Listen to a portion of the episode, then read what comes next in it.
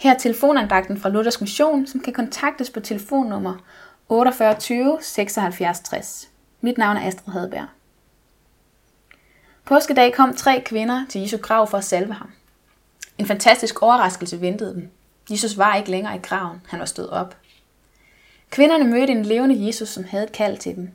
De skulle gå, og de skulle fortælle.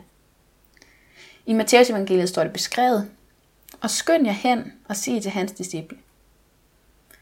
Jeg tror, at Gud på samme måde har en opgave til dig og mig. Vi skal gå, og vi skal fortælle. Hvad er det så, vi skal sige? For det første skulle kvinderne fortælle disciplene, at Jesus var opstået fra de døde. Dernæst skulle de sige, at han var gået i forvejen for disciplene til Galilea, hvor de skulle se ham. På samme måde må vi fortælle, at Jesus har vundet over døden. Som Paulus skriver det i 1. Korintherbrev. Døden er opslugt og besejret. Død, hvor er din sejr? Død, hvor er din brød? Frelsen er en realitet. Det må vi fortælle, ikke bare til Jesu disciple, men til alle. Samtidig må vi også have lov at fortælle, at vi skal se Jesus igen. Disciplerne fik lov at se Jesus kort tid efter hans opstandelse. Vi får lov at se Jesus, når han kommer igen, for det har han lovet. Kvindernes reaktion beskrives lidt forskelligt i evangelierne. Matthæus skriver, at kvinderne med frygt og glæde løb hen for at fortælle disciplene, hvad de havde oplevet.